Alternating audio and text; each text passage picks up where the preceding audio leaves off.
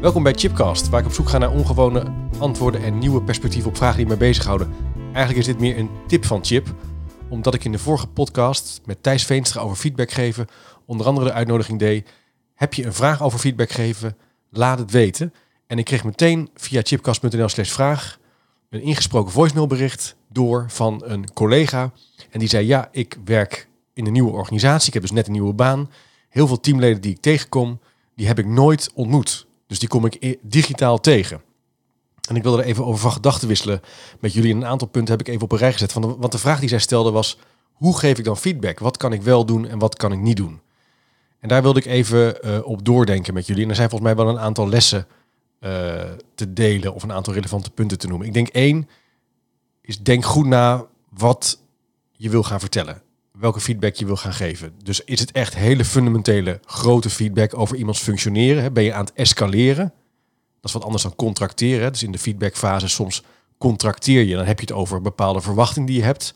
Ik verwacht dat je morgen iets inlevert. Denk jij dat ook? Ja, dat denk ik ook. Gaat dat lukken? Ja, dat gaat lukken. Nou, dan contracteer je. Doet iemand dat niet, dan zou je iemand kunnen gaan aanspreken. Dan zeg je, goh, wat is er nou gebeurd? Uh, hoe komt het dat je te laat bent met het inleveren? Er kan nog een verklaring voor zijn. Als dat meerdere keren gaat gebeuren en je spreekt aan en het lukt niet, dan ga je op een gegeven moment escaleren. Dan ga je het hebben over iemands prestatie, iemands presteren. Nou, ik zou denken bij die digitale eh, vorm van feedback geven, bedenk goed of dat kan. Dus ga je escaleren, is dat misschien niet een goed idee. Moet je dan misschien een live moment gaan organiseren, elkaar dus gaan opzoeken. Uh, maar je kan natuurlijk wel het contracteren doen en ook het aanspreken. Ik denk digitaal gezien, wees een beetje voorzichtig met het aanspreken in een groep. He, zit je in een Zoom-sessie met vijf, zes mensen of in een teamsessie, dan zou ik altijd wat voorzichtig zijn met het individueel aanspreken. In wezen is dat niet zoveel anders dan in een groep. Aanspreken doe je eigenlijk vooral individueel. Het is altijd wel risicovol om iemand aan te spreken in een groep, tenzij de, de teamdynamiek heel sterk is. Maar pas daar wel altijd mee op. Het kan wel werken, maar het kan natuurlijk ook het gevoel oproepen bij de andere partij van oeh, dat is gevaarlijk of dat was ik, vond ik helemaal niet prettig. Dus beter is het natuurlijk om dat altijd één op één te doen. Ehm, een ander punt is, uh, omdat het een nieuwe situatie is, omdat het digitaal is, zou je ook kunnen zeggen, nou, benoem dat ook. Dus als het nieuw is, kan je ook transparant zijn over het feit dat het nieuw is. Klinkt een beetje oenig, maar werkt volgens mij heel goed. Dus je kan letterlijk zeggen, ik wil het even ergens met je over hebben. Gaat over een project wat we vorige keer hebben gedaan. Daar heb ik nog een gedachte over. Um, maar ja, goed, we kunnen elkaar niet zien. We doen het nu digitaal. Ehm, ik hoop dat ik het even goed doe. Maar mijn bedoeling is om, om even kritisch naar het resultaat te kijken van een samenwerkingsproces. Of het resultaat te kijken van iets wat je hebt gedaan. Of iets wat je misschien onprettig vond. Dus dat is een, een ander punt. Wees nieuwsgierig en benoem ook dat het nieuw is. Zodat je er ook van kan leren en je ook de ander daarin serieus neemt. Ehm, vervolgens zou ik denk ik zeggen met digitaal feedback geven is hou het zeer feitelijk houd bij de situatie. Dat doe je natuurlijk sowieso, hopelijk wel. Maar dat is vaak het moeilijke bij feedback. Je gaat, wat Thijs Veenstra ook zei, je gaat langzamerhand je eigen gevoel erbij aan verbinden. Nou, je wil natuurlijk wel zeggen, ik vond het vervelend of ik voelde me daar niet lekker bij. Het feit dat het rapport te laat kwam. Maar in de eerste fase hou je bij de feiten. En misschien digitaal gezien, let daar vooral erg op. Focus je op de concrete situatie. De concrete situatie, het effect wat het had je was te laat met het opsturen van een document. Daardoor kon ik niet op tijd doorwerken. Ik had een planning gemaakt. Dat liep bij mij in de soep. Wat ik graag zou willen is dat je me tijdig informeert over wanneer je mogelijk uit gaat lopen, zodat ik daar rekening mee kan houden in mijn planning. Dus dat je echt even die drie trap van feedback geven goed gebruikt. Die kan je ook vinden in het speakbriefjesboek wat ik uh, heb gemaakt. Er staat het model ook in. Thijs Veenstra ging daar ook uitgebreid op in. Houd feitelijk. Vraag vooral ook wat je wel wil. Um, en uh, uh, maak ook een concrete afspraak. Ik denk dat dat ook belangrijk is. Helemaal bij feedback geven digitaal. Check ook bij de ander vervolgens. Hoe komt het bij diegene aan? Wees dan ook nieuwsgierig. Ik denk dat wat je kan toevoegen in die digitale wereld, dat je wat meer vragen stelt. Van, goh, hoe komt het op jou over nu? Want ja, we zitten even zo op een scherm naar elkaar te kijken.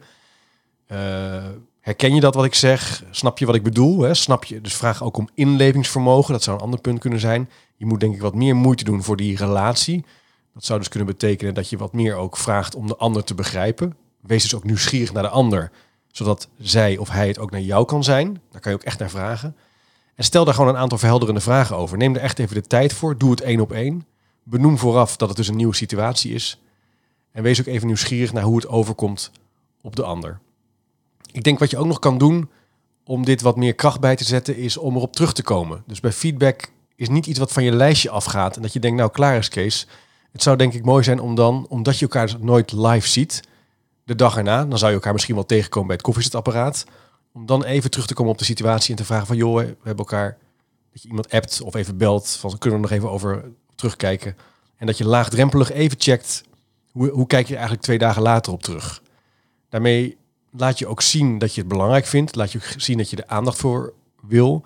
En ehm, eh, geef je ook de ruimte om nog secundaire reacties, die zijn er vaak. Sommige mensen zijn wat secundairder dan anderen. Ik ben bijvoorbeeld veel meer secundairder dan ik dacht. Soms denk ik achteraf na een gesprek, oh, ben ik helemaal vergeten dit te zeggen. En het is heel fijn als iemand je nog belt en je de ruimte geeft om er nog even over in gesprek te gaan. Dus misschien dat je dat feedback geven wel in twee delen kan opsplitsen, zodat je niet te veel in één gesprek gaat doen. En dat zou denk ik nog een ander punt zijn van aandacht. Eh, wat Thijs ook zei, wees bescheiden in wat je wil bereiken. Benoem eerst de feitelijke situatie, wat er is gebeurd, welk effect het op jou had, wat je graag zou willen. Maak afspraken, wees nieuwsgierig, stel een aantal vragen. Maar houd daar ook even bij. Je hoeft niet heel uitgebreid dan meteen, als het ware, naar voren te lopen en de toekomst te gaan voorspellen en in te gaan richten hoe het dan zou gaan moeten. Houd klein in dat wat je wil vertellen en kom er eerder op terug een paar dagen later, zodat je uh, de ander ook de ruimte geeft om nou ja, nog invloed te nemen op het proces. Um, dat even zo qua gespreksafspraken, gespreksregels, qua feedback geven. Ik ben heel benieuwd als je dit luistert. Misschien vergeet ik wel iets of denk je van...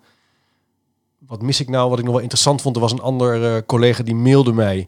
Die zei, ja, die cartoon die is een beetje negatief, hè, die erbij stond. Misschien hè, foutje, hè, leren van fouten, kan je niet leren van succes. Kijk, uiteindelijk is feedback natuurlijk bedoeld om beter te worden in je werk. Dus je hoopt ook dat iemand die kans ziet en pakt. Dus hou dat werk centraal, zet dat werk centraal de cliënt, de klant, de leerling, het effect wat je wil bereiken in je team. En benoem dat ook vooral. Dus als iemand zeer defensief reageert, kan je daar ook nieuwsgierig naar zijn van, goh, mijn intentie is dus om het werk centraal te stellen en om ook gewoon beter te worden in ons vak. Dat wil ik. Ik hoop dat jij dat ook wil. Dus dat even zo als, uh, als afspraken voor feedback. Ehm, nog een ander punt waar ik nog aan zat te denken is, omdat het zo nieuw is, kan je natuurlijk ook met je team dit gezamenlijk gaan bespreken. Je zou misschien een momentje kunnen hebben in een overleg als het digitaal uh, plaatsvindt. Om ook te gaan bespreken van goh, hoe zullen we dit nou met elkaar doen? Hoe eh, hebben andere collega's ervaring met het feedback geven op afstand?